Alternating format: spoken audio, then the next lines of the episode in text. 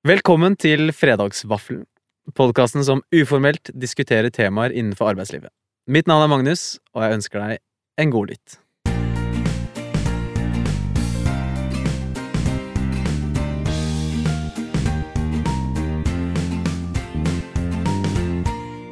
Dagens gjest er en av Bardus store sønner.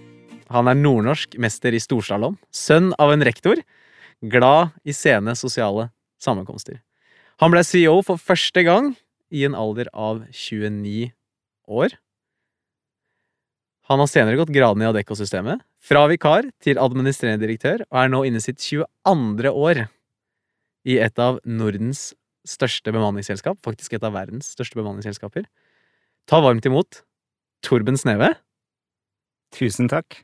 Veldig hyggelig å være her. Så bra, så bra. Um, vår første gjest noensinne. Wow! Ja, hvordan føles det? Det er jo helt fantastisk å være første gjesten i, i vaffelen. I Og jeg må bare si det med en gang, da. Jeg er jo ikke veldig glad i vafler. Nei, ok, da, for da hoppa du Da har du jo allerede hoppa til. Men jeg liker Ja. og en god samtale rundt en kaffe. Ja. Men det må gjerne være noe annet enn vafler. Det må være, ja. Ja. Men kan det være liksom stå vafler på et fat, og den andre spiser vafler? Er det greit? Og den andre kan spise så mye vafler de vil. Ja, ok. Så det er ikke lukta, på en måte? Nei, nei, Nei, nei, nei, ingen. bare smaken. Ja. Ja, men Så bra, så bra. Um, I Fredagsvaffelen så har vi noe som heter Tre raske. Uh, det er tre raske spørsmål for å bli enda litt bedre kjent med deg. Og for å sette denne fredagsstemningen da, som vi liker å ha her inne. Um, nummer én, som du allerede har svart på på mange måter, er jo hva spiser du på vaffelen din? Ja, Og da må jeg bare si, når jeg spiser vaffel, Ja. for det kan jeg gjøre når jeg går på ski, og du, okay. du, du har traska noen timer, ikke sant, kommer til en åpen turisthytte, Ja. da er vafler egentlig helt fantastisk. Veldig konservativ brunost. Ja. Ferdig med det. Så det, det glir ned. Ja, det glir ned. Det Ja, men bare på skitur. Men du må ha slitt litt først, og du må ha den der litt stemningen som vi, bare vi nordmenn kan elske. Ah, riktig. Ikke Men. Da, da kan jeg spise en vaffel. Men det er ikke sånn som de fredagsvaffel i kantina eller noe sånt. Nei, nei, nei. nei det, er ikke, det, det blir litt for mye day for meg. ja, riktig. Men skjer det noe med smaksløkene etter å ha gått en skitur? Er, tydeligvis. Ja. tydeligvis. Kanskje det gjør det med oss alle. kanskje, kanskje, Det det er nok stemningen. Ja. Det er jo stemning som ofte bestemmer hva du liker og ikke liker. Mm, mm, godt poeng, det. Og hvis du kunne spist vaffel med hvilken som helst person, død eller levende, hvem ville det vært? Oi, det er jo veldig mange mennesker jeg kunne tenkt meg gjort det med, Mm. altså. Fordi at jeg er veldig glad i mennesker. Jeg er jo, vil jo kalle meg sjøl en sånn ordentlig people person, da. Ja. Det er det. Men hvis jeg skulle spist en vaffel med én person, hvis jeg kan få velge en død person, da, Ja. så tror jeg jeg skal velge en person som jeg har sånn enormt respekt for. Hva hun klarte å gjennomføre, men er en totalt helt annen leder enn det jeg var. Mm. Sånn vanvittig kompromissløs, eh, og det er Margaret Thatcher.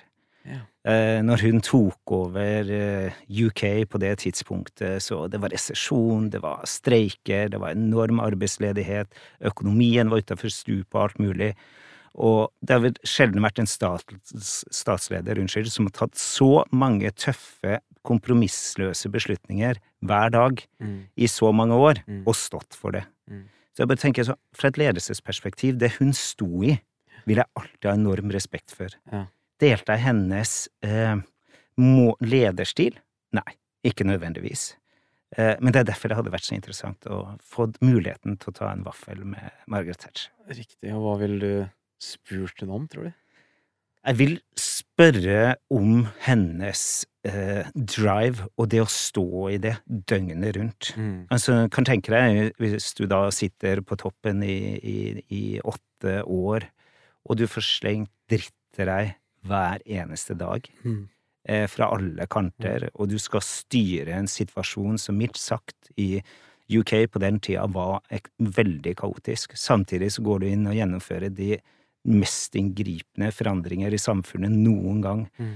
Med, med privatisering. Du går til og med til krig eh, mot eh, Argentina om Falklandsøyene, midt, midt, oppi dette. da. Og bare var så overbevist om det hun sto for, Mm. var så riktig at hun bare måtte gjennomføre det. Mm. Så vi ville snakke akkurat om det, hva som driver der. Og så for meg selvfølgelig veldig interessant å se på denne hennes kompromissløshet. Hvor kommer den fra? Mm. Fordi at jeg er det motsatte Ja, av henne når det kommer til den type lederskap. riktig. Så litt bløthjerta, eller? Ja, det er folk Hvis du spør de som jeg jobber med, vil neppe si at jeg er bløthjerta. Nei. Men sjøl kan jeg mene at jeg Ja, er det. riktig. Jeg har masse følelser. Ja, ja, ja. Ja. ja. Så ikke bare følelser som er knytta til at jeg gråter når jeg ser Mm. på TV når vi vinner eh, store ting på, på idrettsbanen, for da blir jeg veldig følelsesmessig. Men i og med at jeg er veldig glad i mennesker, og min drive ligger i mennesker, så, eh, så er det klart at eh, du kan ikke Du har ikke det hvis du ikke er et følelsesmenneske. Nei. Nummer tre, det er et dilemma til deg. Um, ville du enten slåss med 100 hester på størrelse med ender, eller slåss mot én and på størrelse med en hest? Jeg tror jeg ville valgt det siste. En stor and. En stor and, ja. Frykter ikke nebbet eller eh, Nei, altså det Altså, 100 stykker hester på størrelse med ender, det ser jeg for meg eh, Det, det var litt ekkelt, egentlig. Ja. Løper rundt der, og hva var det der for noe? Altså, når jeg ser den enorme anda, så vet jeg i hvert fall hva fienden er, Ja. og hvor stor den er, og kanskje kan forutsi noe om hvordan denne kommer til å angripe meg. Men ikke disse hundre små hestene. Nei, Nei, mange små, så kan noen Ja. komme litt bakfra, og så Ja, ja, ja. uforutsigbart. det er det. Det er morsomt. Morsomt. Dagens tema, Torben, er karrierereise, eller rettere sagt din karrierereise, og egentlig dine innfallsvinkler på det. Eh, Fra vikar til administrerende direktør i Adecco-systemet. Og jeg er litt nysgjerrig på den reisen din dit, um, og vil gjerne diskutere litt hvordan den har vært, hva du har møtt av utfordringer, hva er det viktigste du har lært, og kanskje det vanker noen råd, helt avslutningsvis, til andre som ønsker å være inn på samme karrierevei, da, eller har samme mål. Eller har det målet. Hvor lang tid har vi?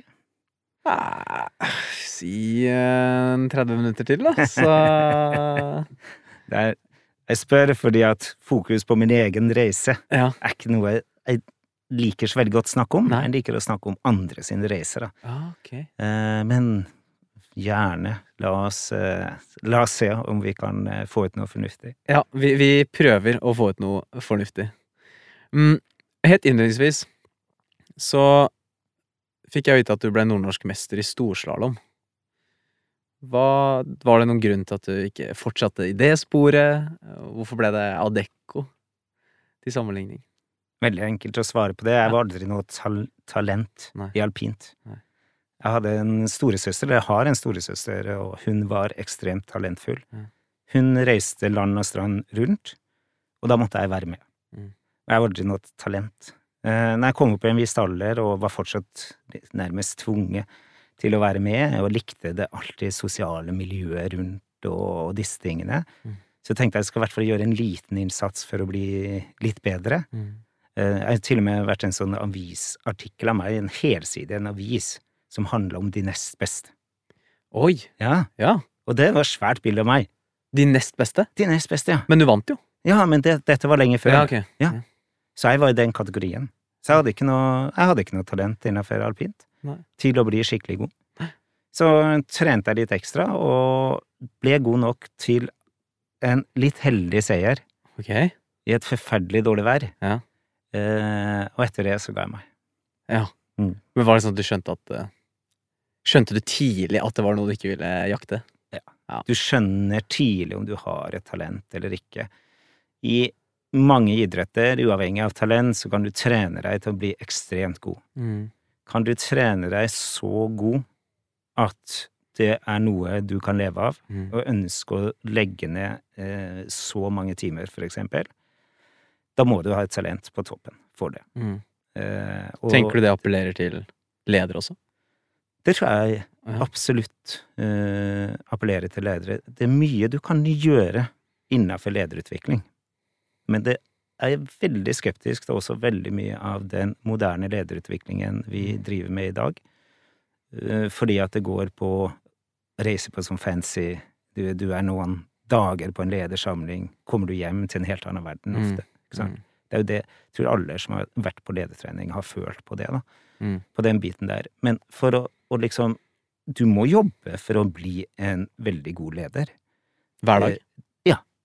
Det er, veld, det, det er veldig få som er bare født naturlig inn i en lederrolle, og det å være en leder, ikke sant, det er så bredt. Altså, du kan være superkarismatisk, og folk tenker at oi, dette er en leder jeg gjerne vil lytte på, men får ikke levert noe i andre enden. Mm. Sånn at du har, du har forskjellige industrier, forskjellige bedrifter, krever ulike lege, ledere. Du har superinnovative ledere som ikke har struktur i det hele tatt. Eh, Du har strukturerte ledere som ikke er innovative. Begge disse lederne kan ha like mye suksess. Mm. Så det å snakke om en sånn, sånn der han er, dette er den lederen med de spesielle egenskapene vi, vi ser etter, det, det tror jeg ikke på. Nei. Gjør ikke det. Men det kan jeg relatere tilbake til dette eh, alpinkarrieren min. Ja, ja. Så, så er det jo det med, med, med, med talent, og du skal også til en viss grad ha talent for ledelse. Mm. Hva slags type leder er du, da? Eller hva- slags type leder ønsker du å være, siden du nevner alle disse ulike ledertypene? Når jeg svarer på hvilken leder jeg er, så Mm. er jeg jo en leder som har Beslutningene ligger mellom magen og hodet en eller annen plass. Okay. Det, hva er mellom magen og hodet? Det er hjertet. Mm. Men det er ikke hjertet jeg bruker til å ta beslutninger. For, for i og med at jeg er drevet av en passion, Ja. så er jo, da er det jo mellom eh, hodet og, og magen.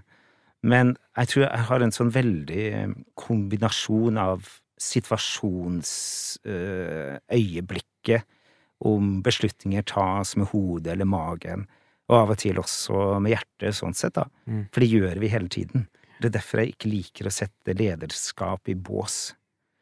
Og så må alle ledere én ting, og det er å kunne tilpasse seg den situasjonen du er i hele tiden, og flere ganger om dagen kunne tilpasse ditt budskap til det ulike publikummet du har. Mm.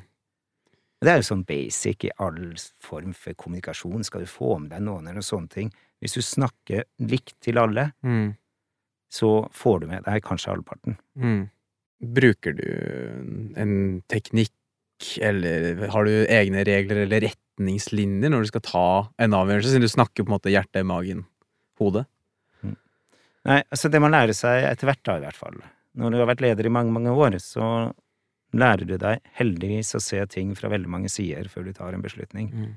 Men du må ikke da komme i en situasjon hvor du ikke tør å ta en beslutning før du har hørt alle sine synspunkter, Mm. eller sett det fra alle mulige sider. Skal du gjøre en kjempestor investering, ja, naturlig at du bruker lang tid på beslutningen, Mm. men du kan ikke i hverdagen. I hverdagen må du beslutte veldig mange ting ut ifra magen. Ja.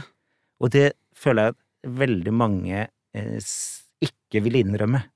At du tar beslutninger eh, ut ifra magefølelse, eller hva som føles best for deg, da. Mm. Fordi at det, er- det er mer politisk korrekt å ta en beslutning, bruke hodet Mm. på beslutningene. Men da mener da stopper mye opp, skal du, du over... Jeg sover supergodt om natta, Mm. uansett hvor ille det blåser. Mm. Uh, og det jeg tror jeg har veldig mye med at du, du må ha en evne til å koble av, men når du er på, så er du veldig på. Mm. Mm. Du nevnte at du ikke var så glad i å prate om deg selv, eller din reise. Men har du lyst til å prate litt om for det? Din reise i Adecco? Du starta jo som vikar, Ja. og nå er du her i dag, som administrerende direktør. Jeg liker jo Ta kortversjon, da. Gjerne Så, det. for starten liker jeg jo. Mm. Så jeg liker jo det at jeg eh, liksom sa opp jobben min, flytta til Oslo. Mm. Ja, hvor jobba du før? Eller Og- tidligere? Ja, da jobba jeg i et selskap som heter Polar Crane, Ja. Mm. eh, som produserte kraner. Ja. Og, men flytta til Oslo på grunn av kjærligheten.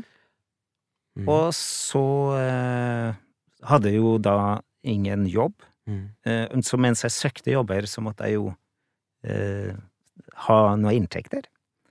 Og da gikk jeg til Adecco. Ja. Ja. Så greit. Og der traff jeg jo også noen jeg faktisk kjente, som også var fra Bardu, så det var jo litt, litt ekstra morsomt. Og så eh, fikk jeg et vikariat hos Riksrevisjonen, jeg hadde jo økonomiutdannelse og det. Ja. Så dette gikk jo ikke sant fra en dag til en annen, så jeg rakk jo aldri tenke, og så ringer Adecco og lurer på om jeg kan ta et Vi kan fortsette et vikariat i internt i Adecco, da. Ja. ja. Så takka jeg nå ja til det. Mm. Og så rulla det bare på seg. Og jeg kom meg jo ikke i gang med denne jobbsøkingen, så jeg ble nå bare i Adecco. Jeg trivdes veldig godt, jeg hadde fått barn, jeg hadde bestemt meg for at Og den tiden jeg brukte på jobb da, den var helt perfekt i Mm. begynnelsen. Mm. Men så fikk jeg jo litt mer ansvar, og så ble jeg avdelingsleder, avdelingsleder for flere avdelinger, regionsdirektør og, og det. Og så kom da liksom vendepunktet i 2009, da jeg ble spurt om å ta over Danmark som land. Mm. Ja. Mm.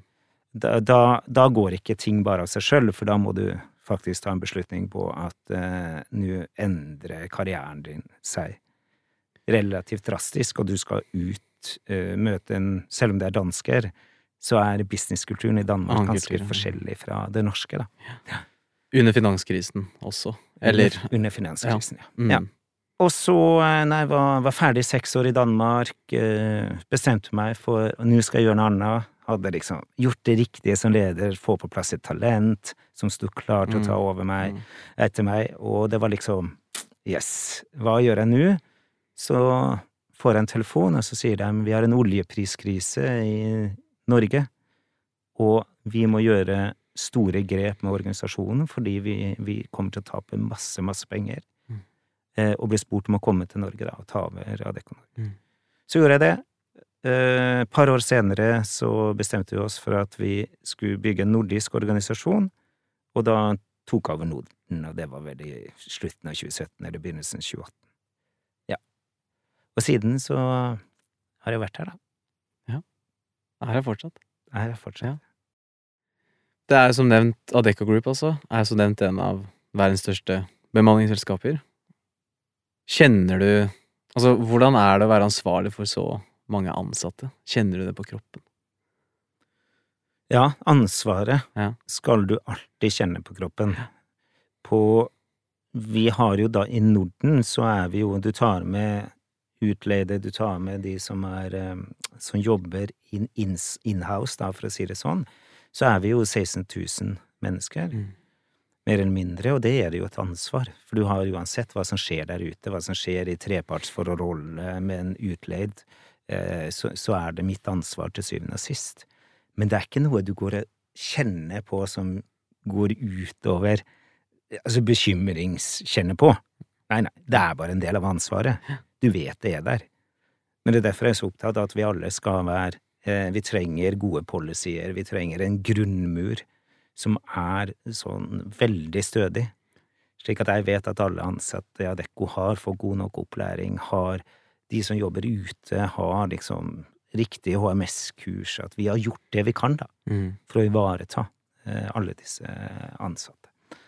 Og eh, Men det er jo fantastisk fordi at vi utgjør en forskjell på så mange områder i samfunnet. Altså, vi skaffer bedrifter den kunnskapen de trenger, eh, på den ene siden, og i tillegg så er vi jo en inngangsport til arbeidslivet på den andre siden. Og ikke minst har vi veldig mange eh, eh, våre innvandrere i jobb som ikke får seg en annen jobb. Så vi har sånn herlig bredde, fra liksom tunge ingeniører, IT-personer, til toppledere, eh, som vi også rekrutterer mange av, ikke sant, til disse som eh, ikke kan språket, eh, og gjør en fantastisk eh, jobb for oss, eh, eh, bare med, med bruk av sine armer og ben, for å si det på en veldig lettvint måte. Da. Det er jo den bredden jeg tror gjør at jeg har vært her i 22 år. Mm. Og jeg er veldig stolt av. Ekstremt stolt av det selskapet jeg jobber i. Hva er det som kreves av deg, da, som toppleder, fra dag til dag? Det som kreves av meg som toppleder fra dag til dag, tror jeg vil tilbake til det det er tilstedeværelse og å være her, da. Det, det viktigste Jeg må balansere mellom eh, å være støttende, til stede, tryggheten.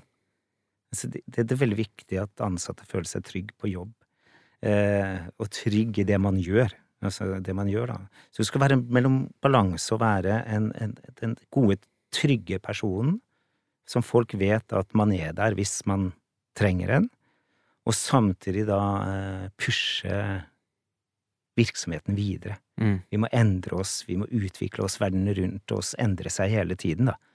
Så der ligger den flytsona.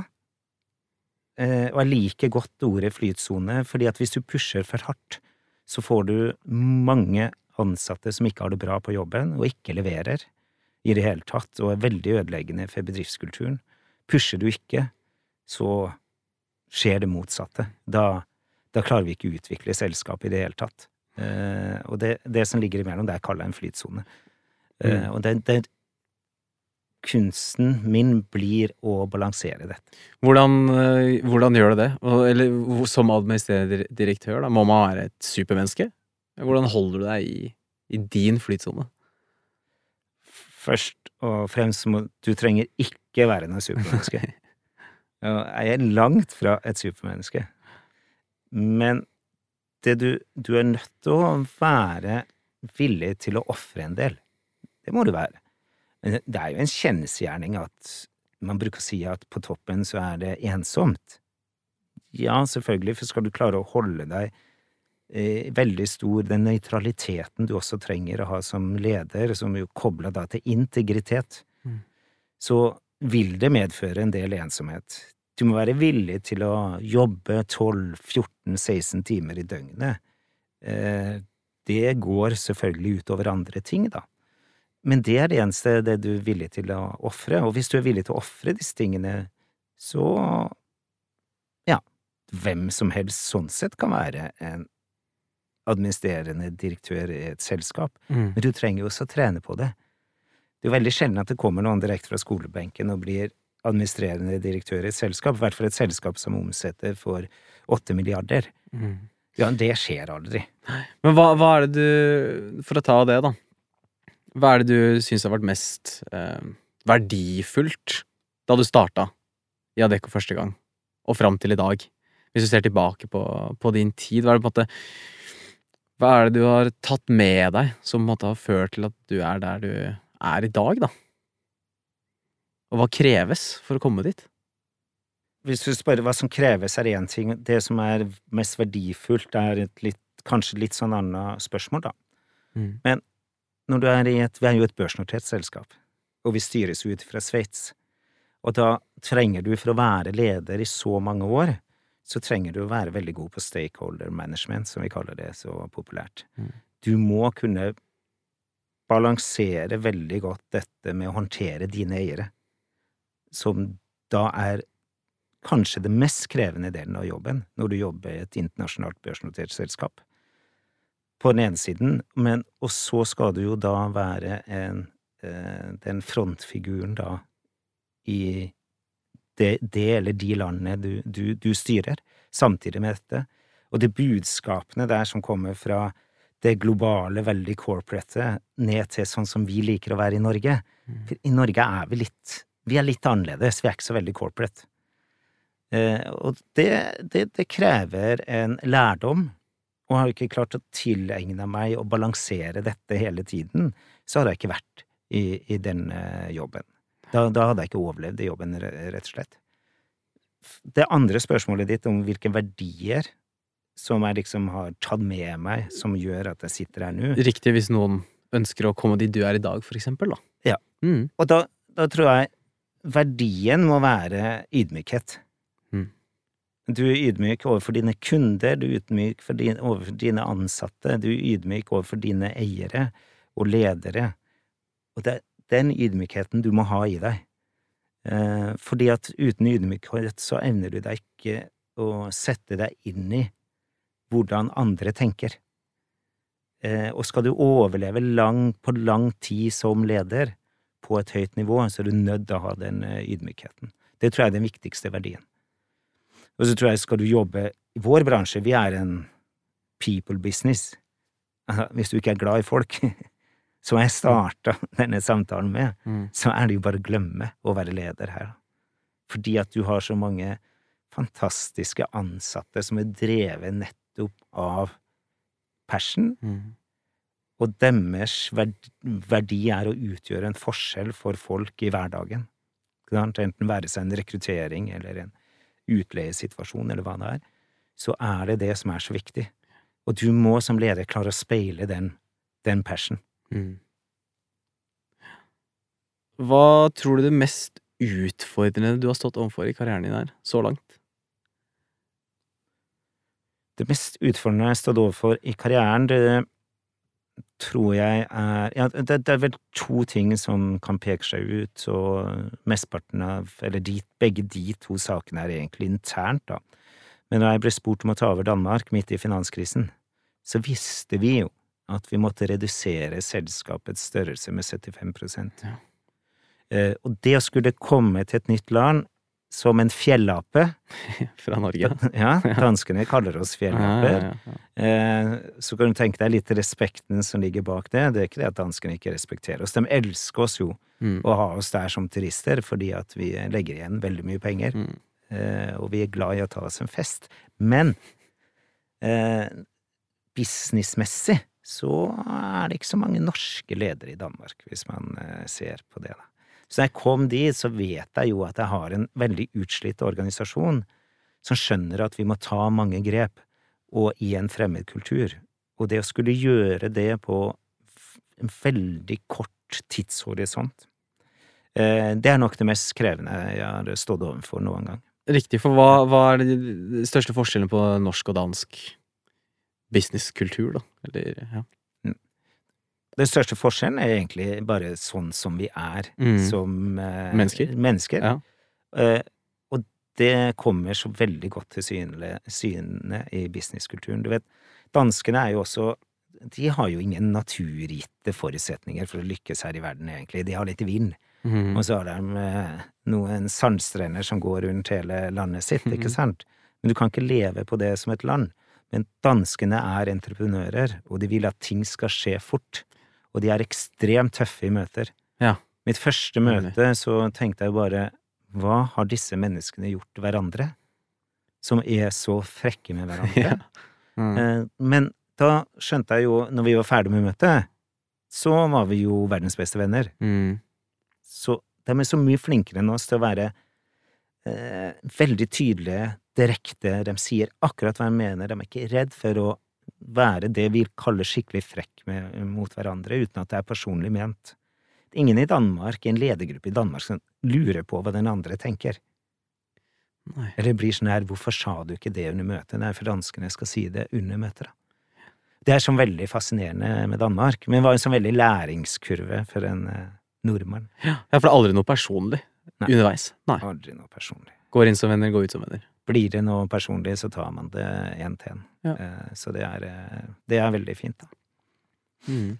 Og så var det jo, og den andre biten, den andre store utfordringen, det var jo når jeg kom hjem til Norge og vi hadde en oljepriskrise, så det gikk fra finanskrise til en oljepriskrise.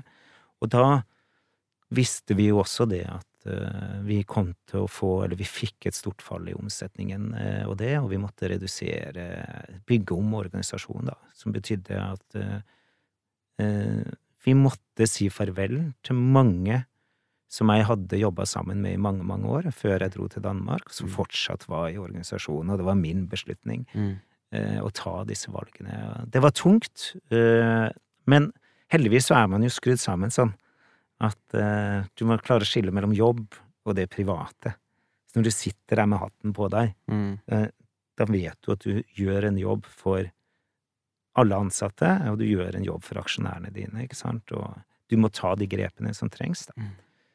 Eh, Men det er klart, som personlig så var det en, eh, en tøff uh, greie. Ja, for det var kanskje noe du kjente Kjente veldig godt. Ja, Ja. nemlig. ting. Hva brenner du for, da, Torben? Hva motiverer deg i hverdagen, for å gå tilbake til hvorfor du ville prate med Margaret? Det som motiverer meg i hverdagen generelt, eller det som motiverer meg i Adecco Jeg går ut fra spørsmålet kanskje hva er det som kan- motiverer- motiverer meg i Adecco, da. Ja. Men når noen spør hvorfor har du vært her i, i så mange år, da, og så tenker en kanskje naturlig ja, for du har hatt en uh, kjempefin karriere, du har hatt masse ulike lederjobber i, i Adecco og det, men det er klart at det er jo når det kommer inn på morgenen, og jeg er ingen morgenfugl, Det er jo ingen som booker møte med meg før klokka ni på morgenen. Nei. Bare gå inn og sjekk kalenderen min. Jeg har alltid åpen kalender. Det ligger ikke møter der fordi at jeg er såpass sur på morgenen. Men når jeg kommer inn på Adecco, så kjenner, jeg- kan jeg kjenne fortsatt etter 22 år Mm. et smil når jeg møter det første mennesket. Ja. Og det er det som er driveren min. Eh, og det er det at vi har en Vi har jo en fantastisk fin visjon i vårt selskap, og det at vi utgjør en forskjell for så mange mennesker hver dag, det, er, det føler jeg virkelig på. Eh, og jeg føler at vår samfunnsoppgave også er såpass viktig at eh, det blir eh, lett å virkelig motivere seg, da. Så det er det jeg brenner for. Jeg brenner for den visjonen vi har. Jeg brenner ikke for fantastiske bunnlinjer. Men det er klart vi skal levere og være, vise god lønnsomhet. Og så er jeg jo, har jeg jo et bra konkurranseinstinkt. Ja. Så jeg, jeg liker jo ekstremt godt å slå våre kolleger, da. Nei, Så- kolleger, unnskyld. Konkurrenter, ja. Konkurrenter, ja. Men ja, for vi kan, kan høre hva som også motiverer deg utover jobben. Hva er det som holder deg liksom i gang? Som menneske. Der er det det at jeg, jeg føler en veldig sånn Jeg har det bra som menneske. Mm. Jeg er veldig takknemlig for at jeg har det såpass bra.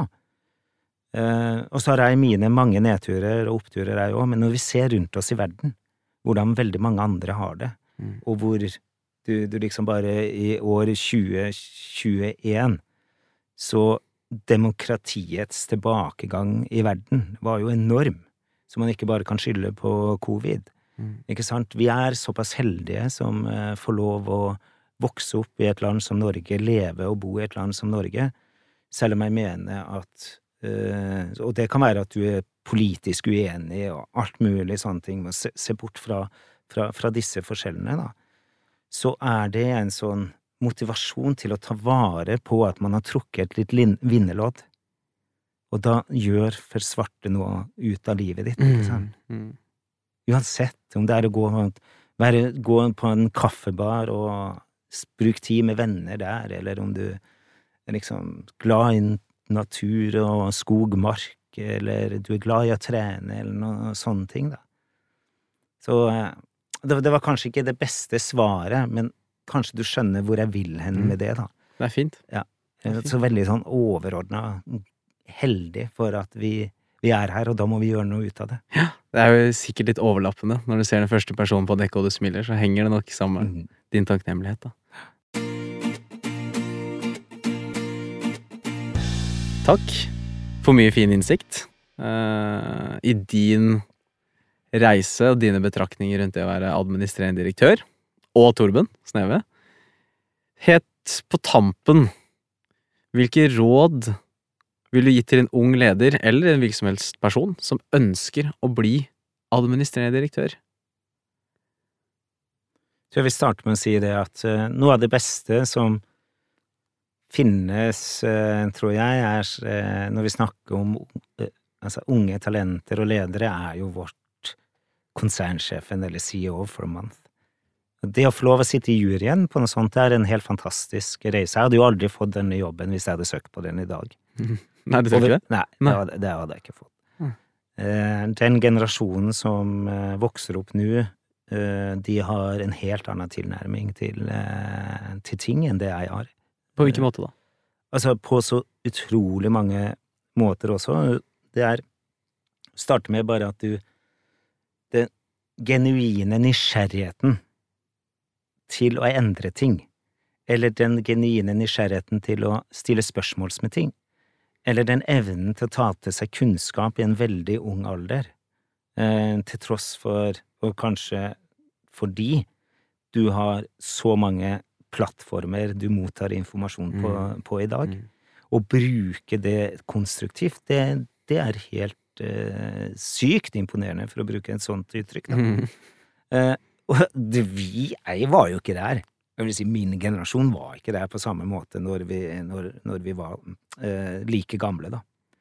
Så derfor sier jeg at jeg sannsynligvis ikke ville ha fått den jobben i, i dag. Nei. Men Nå skal man jo også ha litt erfaring, da. Men tilbake til mitt viktigste råd, Mm. eh, er denne ydmykheten igjen, da. Riktig. Jeg snakka litt om ydmykhet tidligere. Mm. Vi ønsker å se folk som er fremoverlente, men ikke for fremoverlente. Eh, personer, unge talenter som er ekstremt talentfulle, som tar all plass i et rom, skaper seg så mange uvenner, eh, og egentlig litt skeptiske personer rundt seg, at de, sliter med å bli sett på som talentfull som leder, kan være, gjerne være faglig veldig dyktig, men det. Så igjen så må disse unge talentene, eller alle som ønsker å bli leder, de må være flinke å balansere. Det er balansere, balanse, balanse, balanse. Mm. Huske på at du en, en stor utfordring er ofte at eh, du sitter i en gruppe Du er på jobb med en gruppe mennesker, og så blir du sjefen. Og så skal du håndtere å være sjef til dine tidligere kollegaer. Det er sånn klassisk. Kan, kan være en utfordring, da. Mm. Og hvis du da ikke er flink på å i ditt lederskap En en sier du kan ofte dømme en leder på hvor bra forhold denne lederen har til en på samme nivå i bedriften. Så hvor god, god relasjon har du til de andre i din ledergruppe, hvis du sitter i en ledergruppe? Det, de som er ekstremt gode å bygge slike relasjoner på tvers, Mm. det er ofte de også som blir administrerende direktør til slutt. De som bruker albuene uh, for å komme seg frem, de kommer, når sjelden helt til toppen. Og det er vel kanskje det viktigste rådet jeg kan gi. Det å være frempå, eh, men balansere hele tiden eh, hvor du velger å stikke hodet frem, og hvor du velger å sitte litt tilbakelent og jakte av andre. Mm. Og bygge relasjoner. Eh, det tror jeg også er ekstremt viktig. Takk. Vær så god. Da vil jeg si tusen takk for samtalen, Torben. Takk for din tid og dine innspill. Og også takk til deg som hørte på. Til neste gang, ha det fint.